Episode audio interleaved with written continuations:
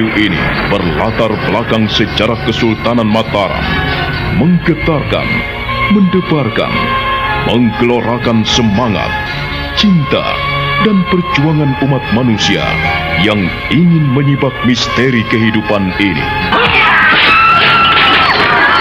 Cerita ini ditulis dan diolah oleh Bu Nergis Muriono, pengarah cerita dan naskah Agung Bahrodi, ilustrasi musik Hari Sabar, teknik dan montase Jamie Mumu, dengan sutradara Ferry Fadli.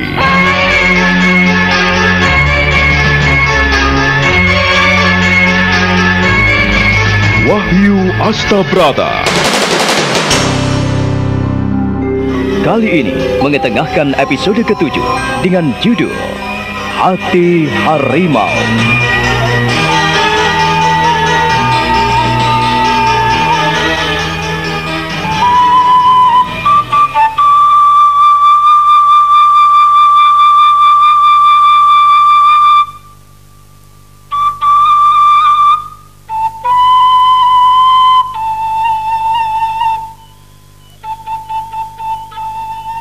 Pada petang itu, Roro Sunti tidak melepaskan Aji Sukmo ketika hendak mohon diri padanya. Gadis cantik itu merasa sedih dan kehilangan ketika pemuda yang mengasihinya itu ingin berpamit padanya. Ia menginginkan Sukmo tetap tinggal bersamanya, menemaninya dalam sunyi dan sepi. Aji Sukmo hanya bisa berdiam diri. Dia merengkuh gadis itu, memeluknya. Roro Sunti merebahkan kepalanya di dada pemuda itu. Dia merasa damai berada diam dalam dekapan kekasih hatinya.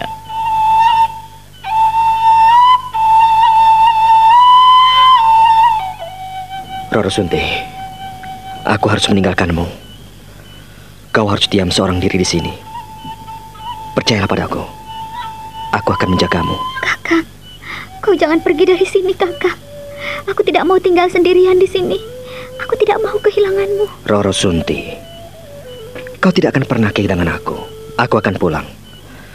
Kau sudah kuantarkan di rumah dengan selamat.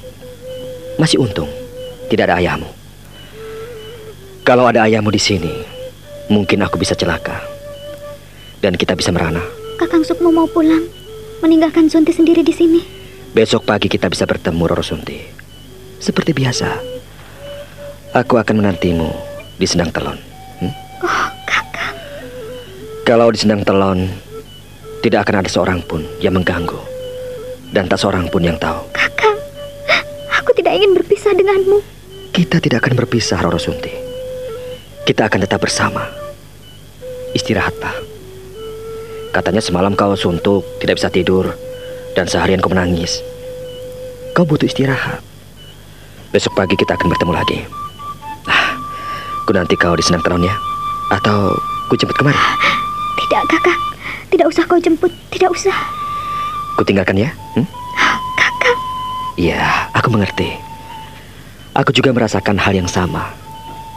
Sama-sama perih, sama-sama sedih. Aku juga tidak ingin berpisah denganmu, Roro Sunti. Kau dengar itu? Tapi kakak, kenyataannya kita kita belum bisa selalu bersama. Untuk saat ini, kita memang belum bisa bersama-sama, Roro Sunti. Karena kita belum terikat sebagai suami dan istri. Suatu ketika, jika Gusti Yang Maha Agung merestui hubungan kita, maka kita akan bersama-sama. Melangkah, suka duka bersama. Hati-hati kakak. Aji Sukmo mundur dua tindak. Dia tersenyum pada kekasihnya. Roro Sunti pun tersenyum. Matanya berkaca-kaca. Begitu berat dia melepaskan Aji Sukmo dari dekapannya. Aji Sukmo mundur sebelum akhirnya berpaling ketika sampai di depan pintu. Roro Sunti berlari dan mengikuti Aji Sukmo yang melangkah cepat dalam kegelapan sebelum akhirnya lenyap di antara gerombolan pepohonan. Kakang Sukmo, kau begitu baik. Kakang, rasanya aku tidak ingin berpisah denganmu. Hatiku cerah kembali. Hatiku terang kembali apabila kau bersamaku. Kau seperti bulan di waktu malam. Kau bagaikan matahari di siang hari. Oh, Kakang, kaulah terang hatiku.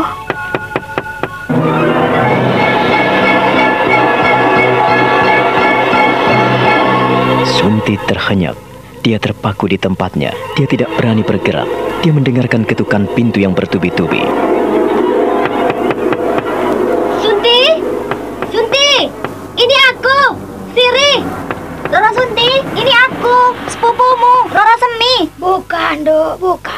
Ini nenek. Bukalah, Duk. Jangan takut.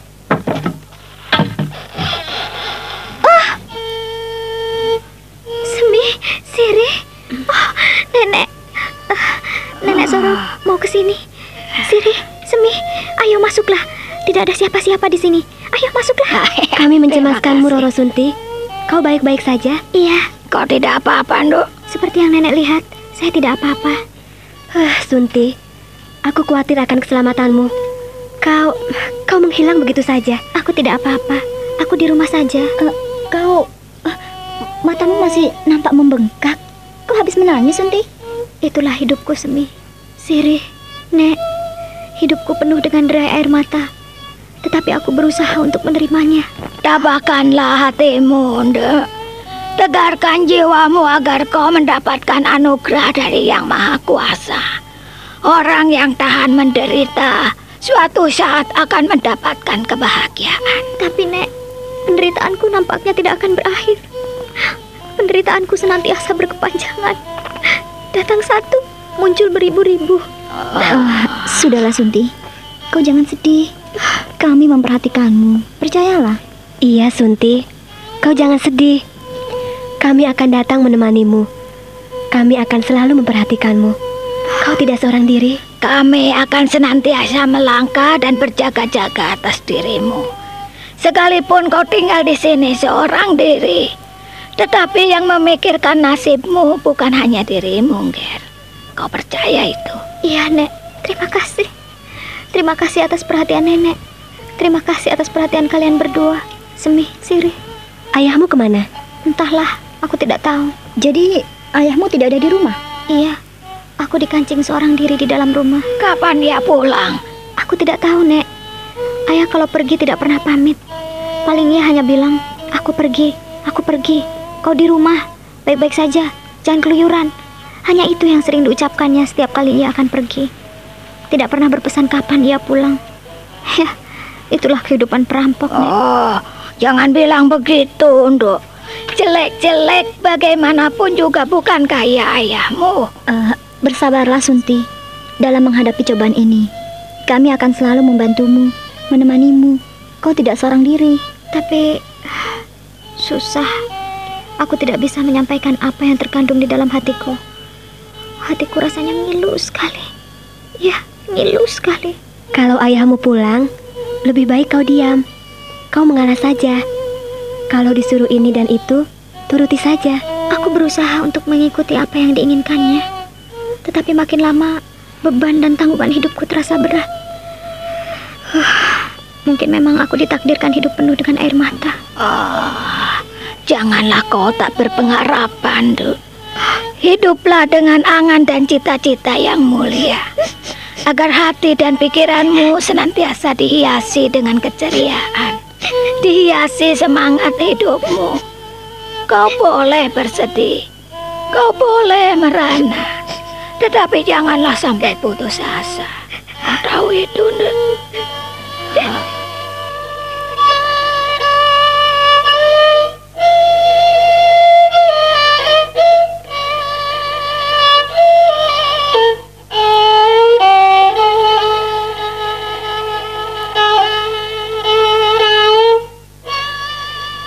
Ah, sudahlah, jangan menangis ya, jangan menangis.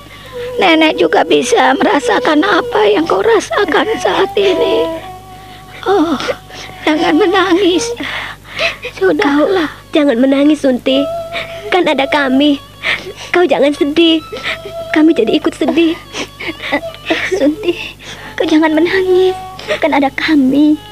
Kalau kau menangis, kamu jadi ikut sedih. Sudahlah, Sunti. Iya, Sunti. Aku tidak tahu, Semi, Siri. Aku tidak mengerti, Nek.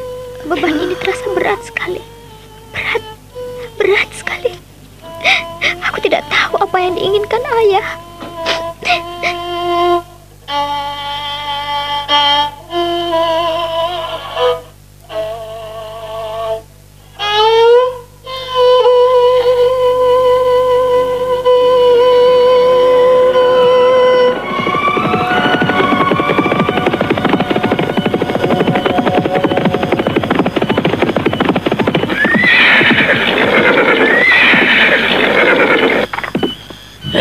Kau di sini kalau King. Tunggu sebentar. Jangan pergi dulu. Aku mau buang air kecil. Baik, Kakang. Akan kutunggu. Tapi ingat, Kakang. Kau harus waspada. Ini sudah masuk wilayah Ponorogo. Ya, ya, ya. Aku tahu kalau King. Tolong, kau pegangi tali kendali kudaku. Hmm? Iya. Oh, apakah aku tak salah lihat? Shh. Kalau King, turunlah. Ayo, ikatkan kuda-kuda itu di sini. Ayo, ayolah. Shh. Ada apa, Kakang? Ada apa? Ayolah ikut aku. Ke mana? Ayo, jangan banyak ngomong. Ayo, ikut aku. Ayo. Kalongking mengintip langkah-langkah Kisrenggi. Mereka mengangkat tumit dan merunduk-runduk berjalan di antara semak belukar. Dan ketika sampai di suatu tempat, Kisrenggi menahan pundak Kalongking dan dia melongokkan kepalanya. Di sana, mereka melihat seorang gadis jelita sedang mandi di pancuran. Kakang, Hah, shh. perhatikan baik-baik. Lihatlah. Oh, oh, dia cantik sekali. Mirip dengan anakmu, Kakang. Jangan main-main. Perhatikanlah. Dia diciptakan sebagai perempuan yang sempurna. Rambutnya panjang, kulitnya kuning langsat dan bersih seperti itu. Hmm, Aku ingin mengambilnya. Kakang, aku saja. Hmm, Kau jangan ikut campur. Kalau aku berhasil mendekatinya, aku ingin memperistrinya. Eh, ya, ya. Dia masih muda sekali kalau Ki. Biarkanlah ia sampai selesai mandi. Jangan sampai ia tahu kehadiran kita di sini. ha? Kakang, aku pun baru kali ini melihat di Ponorogo ada perempuan secantik itu. Oh, luar biasa. Dan aku akan memilikinya.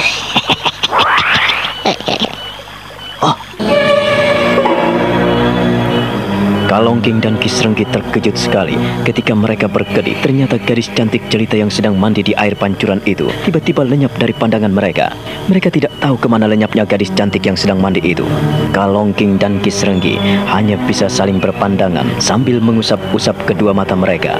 Mereka pun hanya melongo, memeriksa daerah sekitar tempat mereka berdiri. Kakang, eh, Ke mana gadis itu? Ah, jangan-jangan dia adalah peri gentayangan, Kakang. aku sendiri tidak tahu ke mana ia raib. Aneh, atau ah, mata kita sudah rabun kalau Ki. Tidak, Kakang, tidak. Aku percaya dia masih tetap ada di sini. Kalau dia kabur, paling bersembunyi di sekitar sini. Ia bisa menghilang. Eh, demi mana yang keluyuran di sini? Kakang, kita cari. Ya, ya. Kau ke sana, aku ke sini. Kau ke kanan pancuran dan aku memutar ke kiri pancuran. Bagaimana? Baik, tapi periksa di balik batu-batu besar itu, Kakang. Jangan-jangan ia bersembunyi di sana. Ya, pokoknya kita cari secermat mungkin. Harus kita temukan perempuan itu.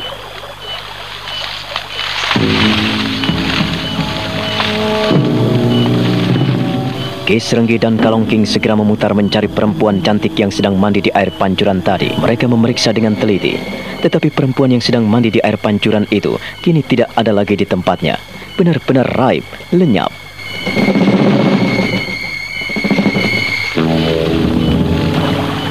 Kakang, dia pasti manusia lumrah. Lihatlah, lihat. Ah, Ini jelas telapak kakinya. iya, iya, iya. Bebatuan itu masih basah oleh pijakan kakinya. Hmm, ke mana ya pergi?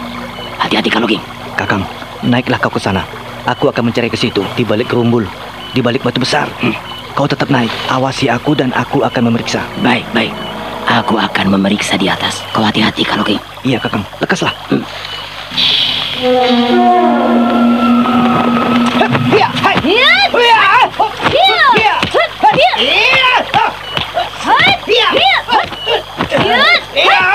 Tunggu, tunggu, tunggu, tunggu. Hentikan. Jangan lanjutkan perkelahian ini. Ayo hentikan. Lelaki tidak tahu malu. Kurang ajar. Kau mengintip orang mandi. Hot! Hop. Iya. Hop. Iya. Iya.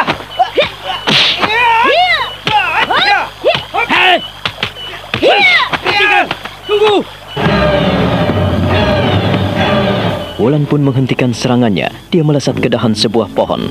Sementara Kalongking hanya bisa melongo memandangnya. Kis Rengki mengerutkan dahinya. Mereka berpandangan sekejap dan beralih memandang perempuan yang bertengger di atas pohon itu. Namun aneh, perempuan itu sudah tak ada di tempatnya. Dan tiba-tiba... Orang-orang tidak tahu malu. Tua bangka keparat. Laki-laki macam apa kalian, ha? Apakah kalian kurang perempuan? Sehingga ada orang mandi pun diintip. Kisanak, eh, siapakah kau? hmm? Jangan salah sangka, kami tidak mengintipmu. Kami hanya sekedar lewat. Iya, kami hanya lewat, gadis cantik. Dasar tidak tahu malu. Mengapa kalian keluyuran di tempatku? Kalian mengaku tidak mengintip, hah? Kalau kalian tidak mengaku, rasakan ini. Hiya!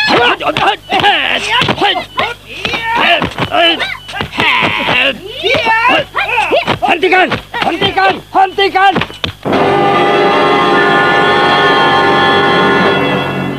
Heh, heh, Hentikan!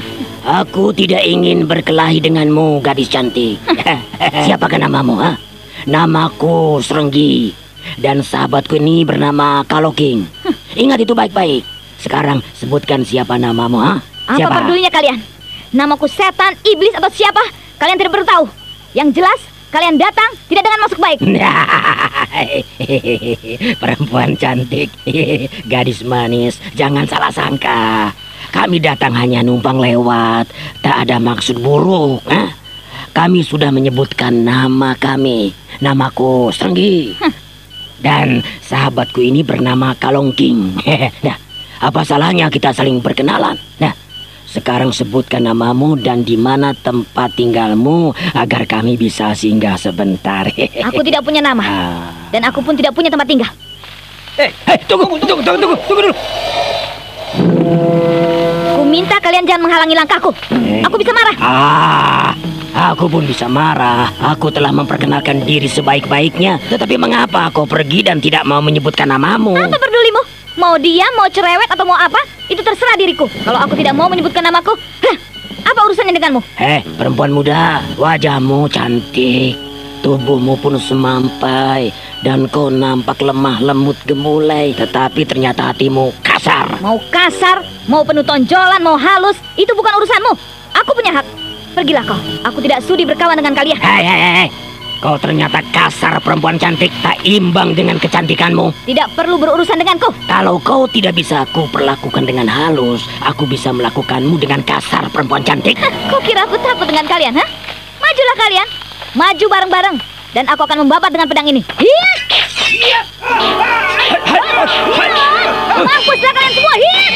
Wulan betul-betul mengamuk. Pedangnya yang sangat tajam dia sabutkan ke kanan dan ke kiri. Kalau Kalongking tidak menghindar, maka batang lehernya akan putus oleh babatan pedangnya. Sabetan pedang Wulan nyasar pada sebuah pohon. Hingga pohon sebesar paha orang dewasa itu pun roboh berantakan. Kisringgi pun sama. Dia menghadapi ancaman-ancaman maut dari terkaman pedang Wulan. Dia mengimbangi peperangan itu dengan mencabut goloknya. Demikian pula dengan Kalongking. Menghunus pedang panjangnya. Pertarungan pedang pun terjadi makin sengit.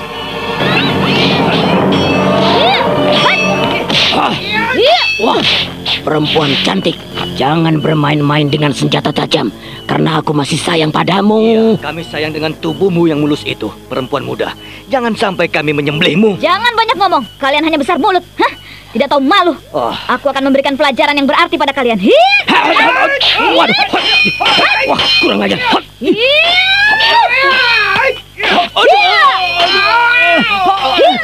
Lari, lari! Sabetan pedang Wulan yang amat dahsyat itu melukai lengan Kalongking. Baju Kisrenggi pun sobek. Kulitnya ternoda darah. Ada kulitnya yang tergores mata pedang hingga mengucurkan darah segar. Kalongking meringis-ringis menahan lengannya yang terluka parah. Mereka melarikan diri dengan kuda mereka. Wulan hanya tersenyum, berdiri dan bertolak pinggang di atas batu besar. Sekecil itu nyali kalian, hah? Baru begitu saja takut. Wulan tidak akan pernah membiarkan penjahat. Wulan tidak akan membiarkan angkara murka. Kalian belum tahu siapa Wulan, hah? Oh, Kakang. Aduh, Kakang, bagaimana ini? Ayo, turunlah. Aku harus mengikat lukamu. Lenganmu parah ini. Aku bisa banyak kehabisan darah, Ya, Kakang. ya, ya, sudah. Ya, Ya. aduh, perih sekali, Kakang. Eh, eh, biarlah aku ikat lenganmu dengan ikat pinggangmu. Ah, K- K- i- Kakang, i- aduh. Eh, Iya. Ki Serenggi dengan gesit mengikat pangkal lengan Kalongking, di mana lengan Kalongking dagingnya mengelupas oleh sabetan tajam pedang wulan. Setelah mengikat lengan Kalongking, Ki Serenggi memeriksa bagian perutnya yang tergores oleh pedang pula. Kurang ajar. Dia memiliki kekuatan luar biasa. Aku yakin dia bukan perempuan sembarangan. Dia itu iblis, Kakang. Mana ada manusia bisa melakukan gerakan secepat itu? Aku sedikit pun tidak melihat kelebatan pedangnya. Dia mampu bergerak cepat seperti angin. Kalau tidak demikian, kita tidak mungkin lari dari hadapannya. Dia perempuan yang berbahaya sekali. Ah, lenganku bisa putus kalau aku tidak menghindar. Perutku pun bisa brodol kalau aku tidak melesat. Siapa sebetulnya perempuan cantik itu? Dia seperti siluman, seperti perempuan iblis. Dia bukan hanya seperti iblis, tetapi ia benar-benar iblis. Mana ada orang melakukan gerakan secepat itu? Dia bisa menghilang lalu muncul begitu saja di dekat kita. Pelajaran yang sangat berarti, Kakang. Aku tidak menduga mendapat lawan yang tangguh seperti dia. Tapi kita tidak boleh menyerah begitu saja. Kita harus selidiki perempuan itu. Kakang, hmm. aku tidak mau bunuh diri. Pelajaran ini sudah cukup untuk kita. Kita jangan main-main, Kakang. Tidak, kita harus tahu siapa perempuan itu. Kakang, tanganku mau putus. Aku tidak mau menyerahkan nyawaku padanya. Aku akan mencari tahu siapa perempuan itu. Kalau kau tidak mau, Aku akan menghadapinya sendiri. Kakang, kau harus dengarkan aku, Kalongking. Ha? Kalau kau hanya menyerah begitu saja, di mana nyalimu sebagai laki-laki, yaitu perempuan-perempuan? Tapi kakak... Sudah diam. Ki Serenggi melotot, tangannya menggantung di udara karena hendak menampar Kalongking. Tapi Kalongking tetap diam dan pasrah karena ia tidak mau melawan sahabatnya yang memiliki sifat kurang sabar dan berangasan itu. Kalongking mengikuti apa yang diinginkan Ki Serenggi. Dia diam diam, tak mau membalas tatapan Kisringgi yang berapi-api.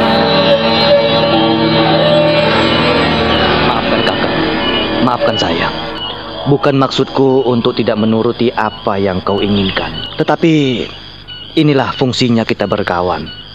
Kalau kau lupa, aku mengingatkan. Tapi sebaliknya, kalau aku yang lupa, kau wajib mengingatkanku. Aku tidak mau mendengarkan apa yang ingin kau katakan, Kalongking. Yang jelas, Aku harus bisa memberikan pelajaran pada gadis itu. Kakang, lenganku ini sudah menjadi bukti kehebatan gadis itu. Dan lihatlah, pakaianmu yang koyak itu. Hingga ada ujung pedang yang menggores kulitmu. Bukankah menunjukkan suatu kehebatan dari ilmu gadis itu? Aku tidak mau tahu. Kalau Kakang Serenggi ingin mencari lagi dan ingin menyelidiki siapa perempuan muda itu, aku pasrah dan aku tidak ikut campur. Terserah padamu, mau ikut atau tidak. Aku tidak membutuhkan bantuanmu. Kakang, berkali-kali aku bersabar menghadapimu. Aku sudah melepaskan diri darimu dan kau menjemputku. Mengajakku bekerja sama. Apakah hasilnya seperti ini? Hah? Jangan seperti itu, Kakang. Jangan kau ulangi kecerobohanmu. Aku hanya ingin tahu siapa perempuan itu, Kalong King. Aku membutuhkannya. Kau tahu itu? Semula kita pun melangkah bersama, Kakang. Aku tidak menduga apabila perempuan muda itu memiliki ilmu yang jauh lebih tinggi dari kita. Kita harus mengakuinya, Kakang. Untuk itulah aku ingin menundukkannya, Kalongking. Bagaimanapun caranya. Yang jelas, untuk menundukkan perempuan muda itu butuh waktu dan kesempatan panjang, Kakang. Kita harus mempersiapkan diri sebaik-baiknya. Dengarkanlah, sekali ini saja. Hmm, kurang ajar. Dia mampu merobek kulitku. Hah? Nah, kalau kau menyadari keberadaan kita, ya beginilah. Aku mengaku kalah, Kakang. Dan kau pun harus mengakui keunggulannya. Gadis itu bisa mementahkan ilmu bodong kita. Gadis itu bisa mementahkan ilmu kebal kita, Kakang. Lalu apa yang harus kita lakukan, Kalongking? Lebih baik kita menjauhi gadis itu. Kita tidak perlu melanjutkan perjalanan ke kota Raja Ponorogo. Aku yakin ia punya pengaruh di sana. Kau, kau tahu itu? Hmm? Atau kau sudah pernah mengenal orang itu? Kakang, aku mencoba menimba dari pengalaman. Ingatlah Kakang, mengapa aku gagal menentang Aji Sukmo? Dan aku pun tidak mampu menyentuh kulitnya. Ingat itu Kakang. Ini pengalamanku yang pertama. Dan kedua gadis ini, aku melihat hal-hal yang serupa. Gerakan-gerakan gadis itu mirip sekali dengan gerakan-gerakan Aji Sukmo. Nah, bagaimana kalau kita kembali saja ke Teratak? Kita selidiki pemuda itu dan kita pelajari bagaimana ia memiliki gerakan-gerakan maut itu. Nampaknya pemuda itu lebih jinak dibandingkan dengan gadis liar itu. Hmm. Pendapatmu masuk akal juga, Kalongking. Untuk itu Kakang, kita lebih baik segera kembali. Kita kembali ke Teratak atau setidak-tidaknya di Paloh Jati di rumahku. Hmm, bagus. Baik, aku terima usulmu. Ayo, kita harus pergi dari sini. Kakang, Ada apa lagi? aku belum kuat untuk melanjutkan perjalanan. Lenganku makin pegal, Kakang, dan tubuhku terasa nyeri sekali. Aku terlalu banyak mengeluarkan darah. Ah, kau ini benar-benar cengeng. Bukannya begitu, Kakang. Masih banyak waktu. Kita harus pelan-pelan kalau ingin mendapatkan sesuatu yang baik. Beberapa saat lamanya, Kisrenggi memperhatikan kawannya. Kalongking hanya berdiam diri, wajahnya nampak pucat, tubuhnya pun gemetaran. Akhirnya, petang itu mereka menginap di dalam hutan, di sisi tebing terjal yang ada pereng-pereng seperti gua. Sementara itu di Teratak, Haji Sukmo berada di gubuk Nyai Sorok. Malam itu, mereka duduk bersila dan berhadap-hadapan di lantai gubuk. Ah, Sukmo, kau telah melibatkan diri terlalu jauh dengan Roro Sunti. Tanggung jawabmu semakin besar, Ger. Aku akan selalu waspada, Nek. Masalahnya bukan waspada atau apa, Ger. Kalau sampai hubungan kalian diketahui Kisrenggi, apa yang akan terjadi? Hah? Kita akan menanggungnya, Nek. Nenek mau ada di pihakku. Eh, Mengapa kau masih tanyakan hal itu, Sukmo? Sejak kau tergeletak di mulut gua Trata, bukankah nenekmu selalu berpihak kepadamu? Kalau aku tidak mau tahu akan dirimu, mungkin aku akan biarkan saja. Aku tak mau lagi dengan dirimu. Kau tentunya sudah paham, bukan? Berhari-hari Kisrenggi tidak pulang. Cukup banyak kesempatan yang bisa kugunakan untuk mendekati Roro Sunti, Nek. Dan aku mulai melihat ketergantungan Roro Sunti pada dirimu. Kau harus mulai lihat, Sukmo. Bahkan banyak pemuda di Teratak ini, ataupun para pemuda tetangga desa ini, sudah mulai iri kepadamu. Kau tahu itu? Iya, Nek. Aku merasakannya. Apakah kau sudah mengenal dengan Lodang? Lodang. Iya, Lodang anaknya Pak Lurah desa ini. Ada apa dengan pemuda itu, Nek? Hati-hati, hati-hati yang Ketika nenek pulang, nenek merasakan sesuatu yang aneh.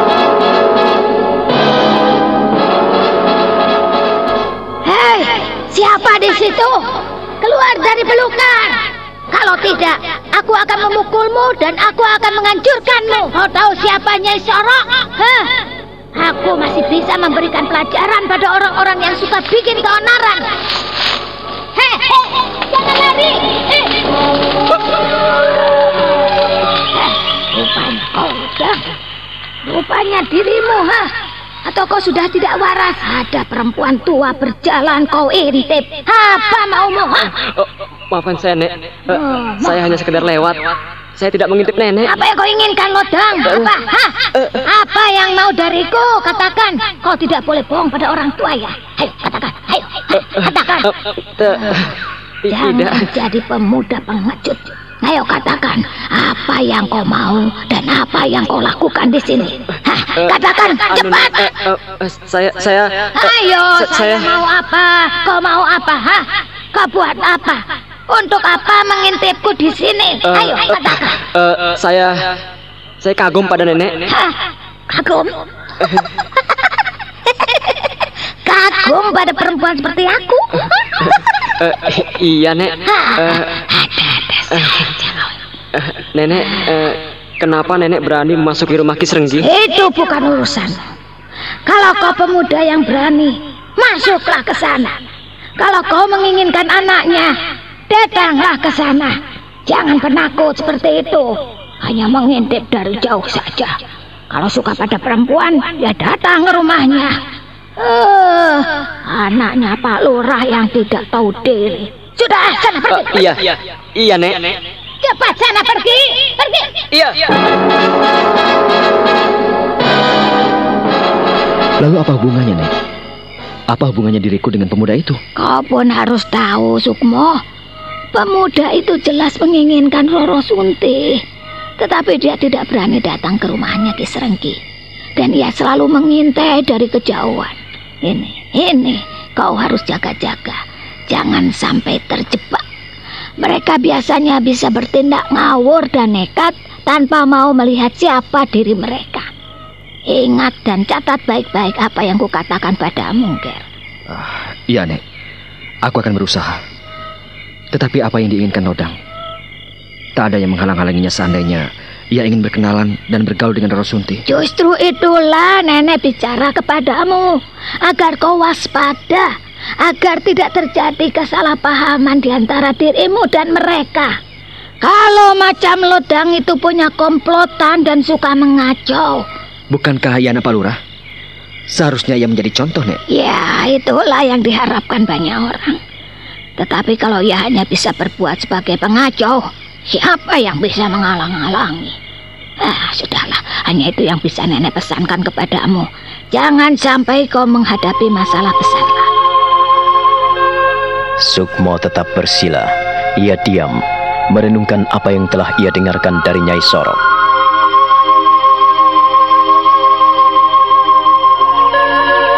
Keesokan harinya, seperti biasa, dia mencari kayu bakar dan pergi ke sendang. Nampaknya mereka semakin dekat, Semi. Uh, biarkan saja, kita kan harus ikut senang. Hmm, nampaknya tak imbang.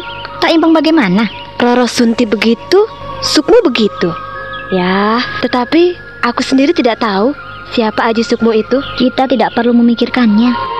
Aji Sukmo hanyalah seorang gelandangan. Ia seorang petualang yang tidak memiliki tempat untuk menetap. Oh, kau? Katakanlah pada Sunti bahwa aku hanyalah seorang gelandangan yang tidak punya tempat yang menetap. Kau pun harus tahu, Siri, Semi. Ya, itulah aku. Atau kalian tidak setuju apabila aku dekat dengan Roro Sunti? Uh, kau jangan sakit hati, Sukmo. Kami kan ingin tahu siapa dirimu. Iya, kami juga ingin tahu siapa dirimu. Apakah salah kami membicarakan dirimu? Seharusnya kau kan bangga menjadi bahan pembicaraan para gadis di teratak ini. Bahkan para gadis di tetangga sebelah juga tahu siapa dirimu. Terima kasih kalau begitu. Kumohon kalian simpan baik-baik. Kalau aku ada di sini, kalian tidak boleh bicara pada siapa-siapa.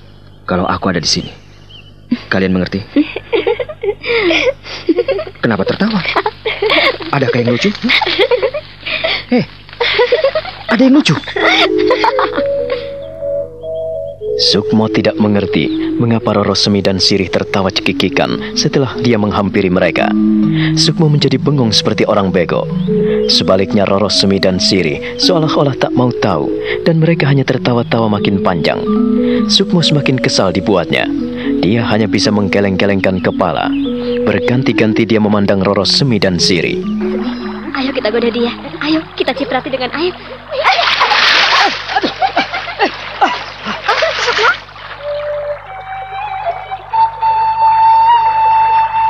Sunti? Kakak, kok kayakmu basah? Uh, kawan-kawanmu nakal sekali Roro Sunti. Maaf, aku tidak tahu bila kau ada di belakangku. Ternyata mereka mentertawakan aku karena kau ada di sini. kau nakal Sunti. Kakak, kau mau ke mana? Uh, uh, Sunti, aku tak mungkin menungguimu bekerja di sini. Aku uh, aku tinggal ya dan jangan lupa nanti sore kau kutunggu di sedang telon. Hmm? Uh, iya kakak. Kalau begitu Aku pergi dulu. Hati-hati, Kakang. Uh, uh, Semi, Siri, aku pergi dulu. Aduh, kalau sudah ketemu, terus pergi ya? Lupa pada kita-kita? Sukmo sombong ya. Kalau sudah ketemu Roro Sunti, ia lupa pada aku. Lupa pada Siri. Iya. Aduh. Aduh maaf, Semi, Siri. Aku ada perlu. Maaf. Aku pergi dulu. Ah,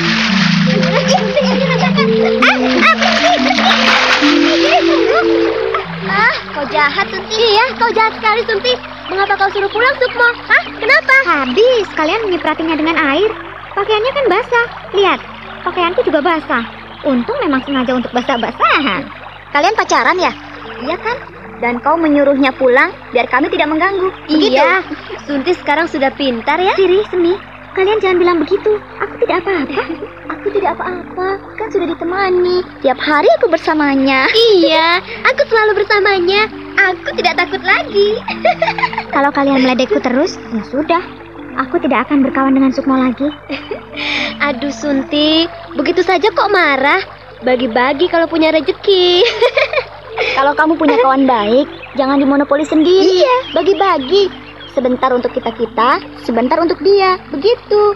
Jangan untuk Sukmo terus. Aku jadi tidak mengerti mengapa kalian meledekku seperti itu. Ada sebab, tentu ada akibatnya. Ada akibat, tentu ada sebabnya. Sungguh, aku tidak mengerti apa yang kalian inginkan dari semua ini. Kami tidak menginginkan apa-apa, Sunti. Yang penting, kau bahagia. Hmm, Roro Sunti, Sukmo pergi ke mana? Kau usir ke mana dia? Aku tidak mengusirnya. Dia memang ada tugas dari Nyai Sorok. Neneknya tidak ingin ia bermain-main di sini bersama kita. Mungkin ia ambil kayu bakar atau mencari talas. Aku tidak tahu. Tidak tahu atau pura-pura tidak tahu? Sekarang kalian selalu tidak percaya apabila aku beritahu. Ya sudah. Kalau kalian sudah ngerti, tidak perlu bertanya padaku. Aduh, Roro Sunti, begitu saja marah. Aku tidak marah. Tetapi aku tidak ingin kalian salah paham. Aku dan Sukmo hanya berkawan. Ya, siapa yang tidak senang punya kawan baik? Iya, tak apa-apa. Kami kan hanya kawan biasa. Tidak dikenalkan juga tak apa-apa. Biarlah kau yang lengket terus. Aku jadi serba salah. Sedih. Kalian membuatku bingung. Aku senang. Kalian ribut. Apa mau kalian? Aku harus bagaimana? Kalian ingin agar aku selalu sedih, begitu? Atau uh, tidak, Sunti. Kami hanya ingin kau tetap seperti dulu. Biasa bermain dengan kita-kita. Kalau kau dekat dengan Aji Sukmo, Ya, sekali-kali kita-kita ini diajak bermain bersama. Kalian jangan hanya berduaan. Nggak adil. Toh kita sama-sama sudah kenal. Dan kita-kita juga mendukung. Kalau begitu, kita bisa selalu bermain bersama. Nanti sore ya. Sehabis maghrib, kalian bisa datang ke rumah. Sukmo barangkali datang. Kalian mau? Tidak ah, mengganggu. Iya, nanti mengganggu kalian. Kalian ini bagaimana? Tadi minta agar kita berkawan dan mengajak bermain bersama-sama. Setelah aku tawarkan demikian, kalian menolak. Aku harus bagaimana? Roro Sunti kemudian tak menghiraukan kedua kawannya. Dia mulai sibuk mencuci pakaiannya. Sirih dan Semi hanya menggodanya dan sekali-sekali mencipratkan air ke arahnya. Hingga Sunti pun harus menghindarinya. Dan sekali-sekali ia membalas cipratan air yang dilontarkan Semi dan Sirih. Mereka pun kemudian beriang ria di sendang itu.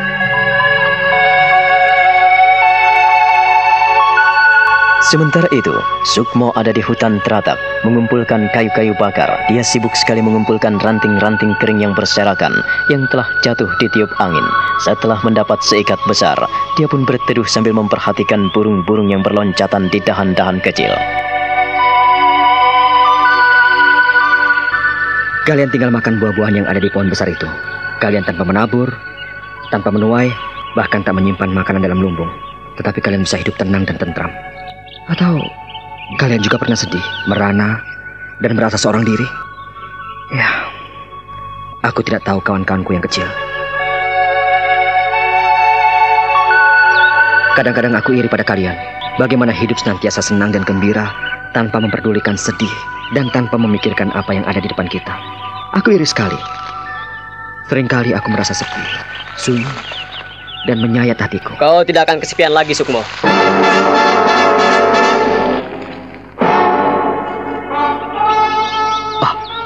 Kau? Bukankah kau putra Pak Lurah? Iya.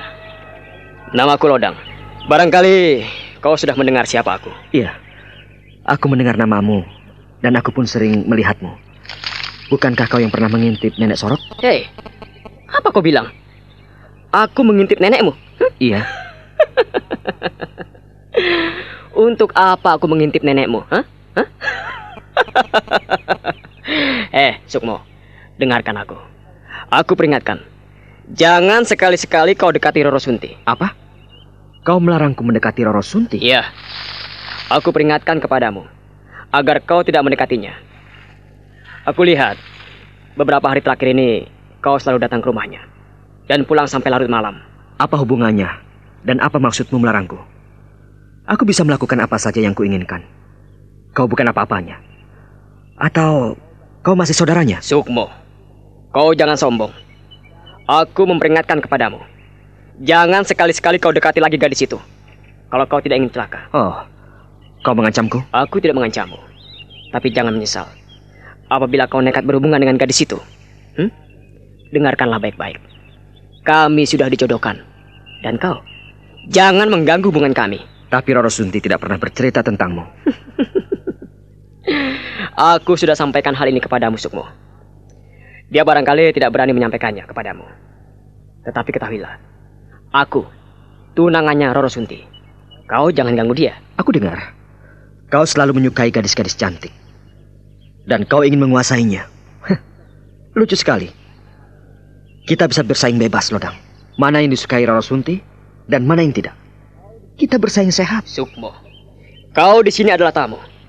Dan wilayah ini termasuk kekuasaan ayahku. Kau jangan main-main. Kalau kau tidak mendengarkan peringatanku, hmm? kamu jangan menyesal di kemudian hari. Oh, kau tidak berhak melarangku. Aku punya kebebasan. Aku punya hak. Demikian pula denganmu. Aku tidak takut dengan ancamanmu. Kau sok jago. Hm. Tetapi Lodang tidak akan membiarkanmu ugal-ugalan di desa ini. Hei, tunggu. Teruskan saja permainanmu. Jangan menyesal apabila nanti kepalamu buntung. Aneh. Aneh sekali. Aku tidak pernah bicara dengannya. Jadi itukah sebabnya ia sering mengintip? Ia juga pernah mengintip nenek. Apa pula yang diinginkan? Benar dia tunangan Roro Sunti? Ah, apa pula ini? Aku harus tahu persis dari mulut Roro Sunti. Ah. Ah. Ah. Ah. Aku tidak akan membiarkan orang seenaknya sendiri. Atau di desa ini orangnya serba aneh. Atau aku sendiri yang aneh.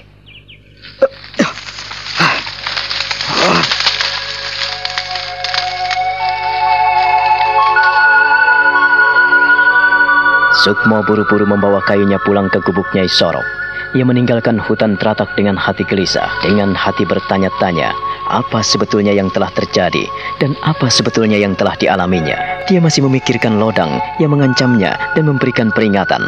Teringat akan pesan pemuda itu, dia tersenyum sendiri dan menggeleng-gelengkan kepalanya. Dia langsung berlari-lari dan setengah berlari, dia membawa beban itu seperti tak membawa apa-apa.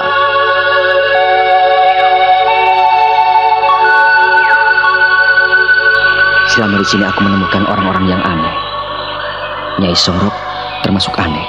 Roro Sunti, Kisrenggi, Lodang, Pak Lurah. Ya, semuanya. Semuanya terasa aneh. Atau aku sendiri. Ya, aku sendiri yang tak tahu harus bagaimana. Alam teratak ini selalu tak bersahabat sejak aku kecil. Masih tetap seperti ini menyimpan misteri, menyimpan rahasia yang ingin kusibak.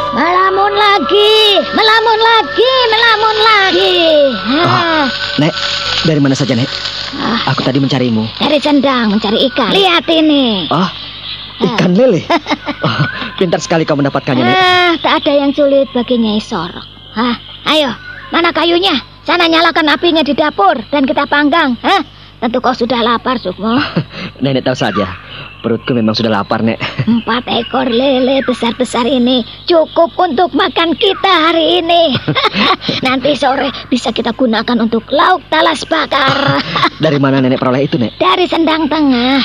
Dari sendang tengah? Iya, tak seorang pun yang berani mengambil ikan di sendang itu, kecuali nenekmu. Mereka merasa bahwa ikan-ikan itu adalah penunggu sendang dan tidak bisa dimakan. Nah, dengan ketakutan, mereka justru menguntungkan buat kita. Kita tidak perlu jauh-jauh mencari ikan. Maksud Nenek uh, ikan kutukan? Tidak, tidak. Di sini tidak ada ikan kutukan. Memang ada seekor ikan lele yang dikeramatkan. Tapi itu bukan kutukan, yaitu seekor lele putih berduri. Apa, Nek? Lele putih berduri? Iya, lele putih berduri di sendang tengah itu. Tak boleh disentuhnya. Tapi bagi nenekmu tidak apa-apa. Sebab nenekmu sudah dikenal baik oleh Danyang desa Tratak ini. Kau jangan takut. Ayo, sudahlah. Kita nyalakan api dan kita panggang berdua.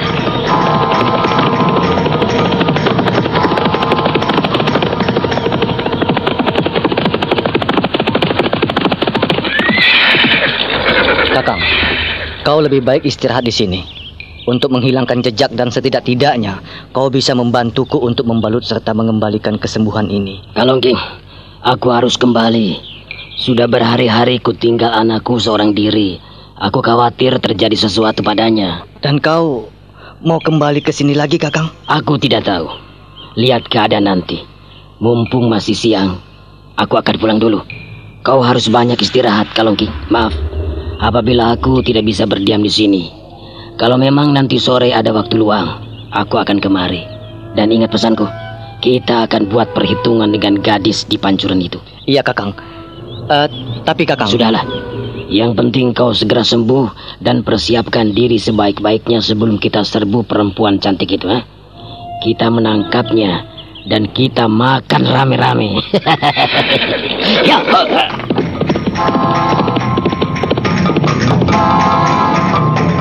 Renggis segera menghela kudanya dan melarikannya dengan kencang.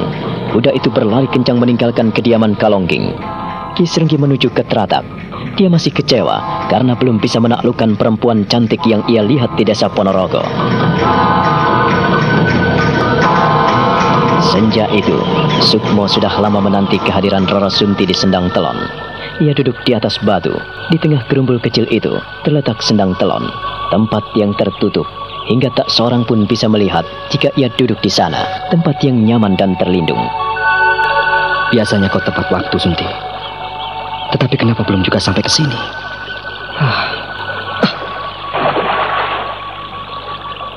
Air yang tenang. Kalau kulempar dengan sebuah batu, maka timbullah gelombang. Dari satu gelombang kecil lalu membesar, membesar hingga akhirnya lenyap di tepinya. Kalau kulemparkan lagi, demikian seterusnya. Masalah hidup manusia muncul seperti gelombang yang diciptakan oleh batu yang jatuh ke air. Oh, astaga, oh, kau Sunti. Nampaknya kau senang ya kalau aku jantungan, hah? Aku lama menantimu. Maafkan aku, Kakang, karena aku harus membereskan pakaianku dan aku harus membersihkan semua halaman. Siri dan Semi seharian ada di rumah. Setelah mereka mencuci, mereka mampir dan main bersamaku. Dan mereka juga makin usil. mereka merasa memiliki kita, Kakang. Jadi sudah wajar kalau mereka ingin dekat dengan kita. Mengapa kau tidak ajak mereka?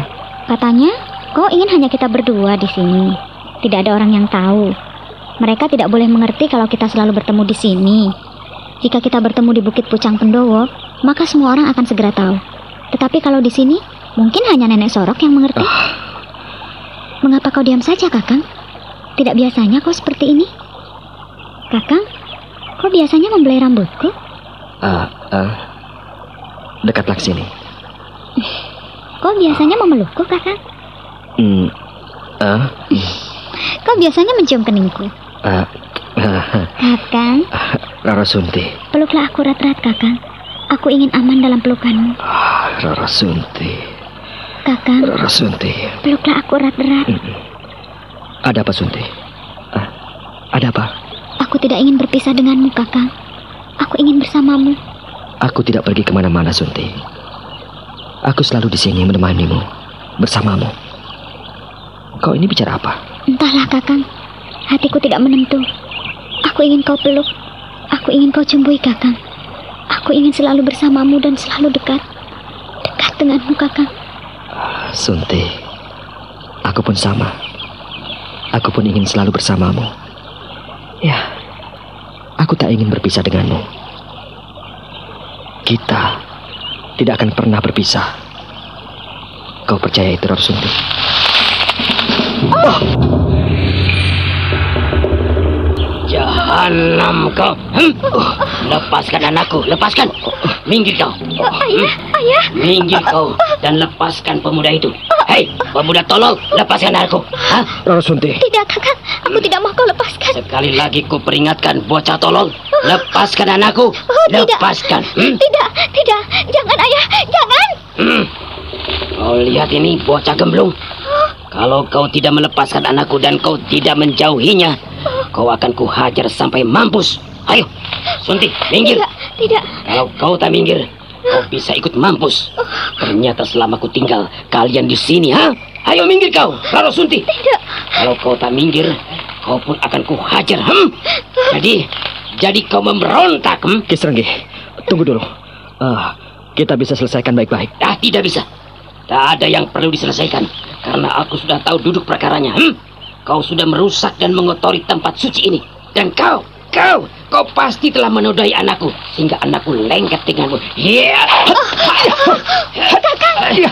Mampus kau, mampus kau, mampus kau. Ya. Hati-hati hati-hati.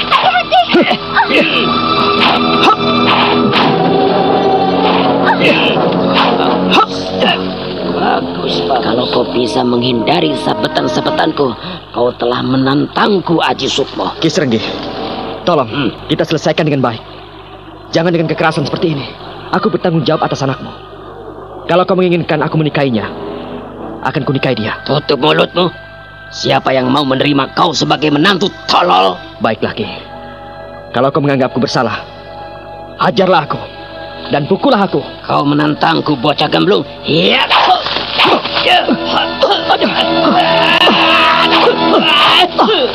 Kali Aji Sukmo tidak menghindar saat Ki Serenggi kembali menggebukinya dengan sebatang kayu sebesar lengan orang dewasa. Ki Serenggi sampai kecapean ketika memukulinya. Bahkan kayu yang digunakan untuk memukulnya pun hancur berkeping-keping. Ki Serenggi terbelalak dan mundur sejenak. Ia kembali meraih sebatang kayu sebesar lengannya sendiri dan kembali menghampiri Sukmo lalu menghajarnya lagi. Apa yang akan terjadi kemudian pada Sukmo?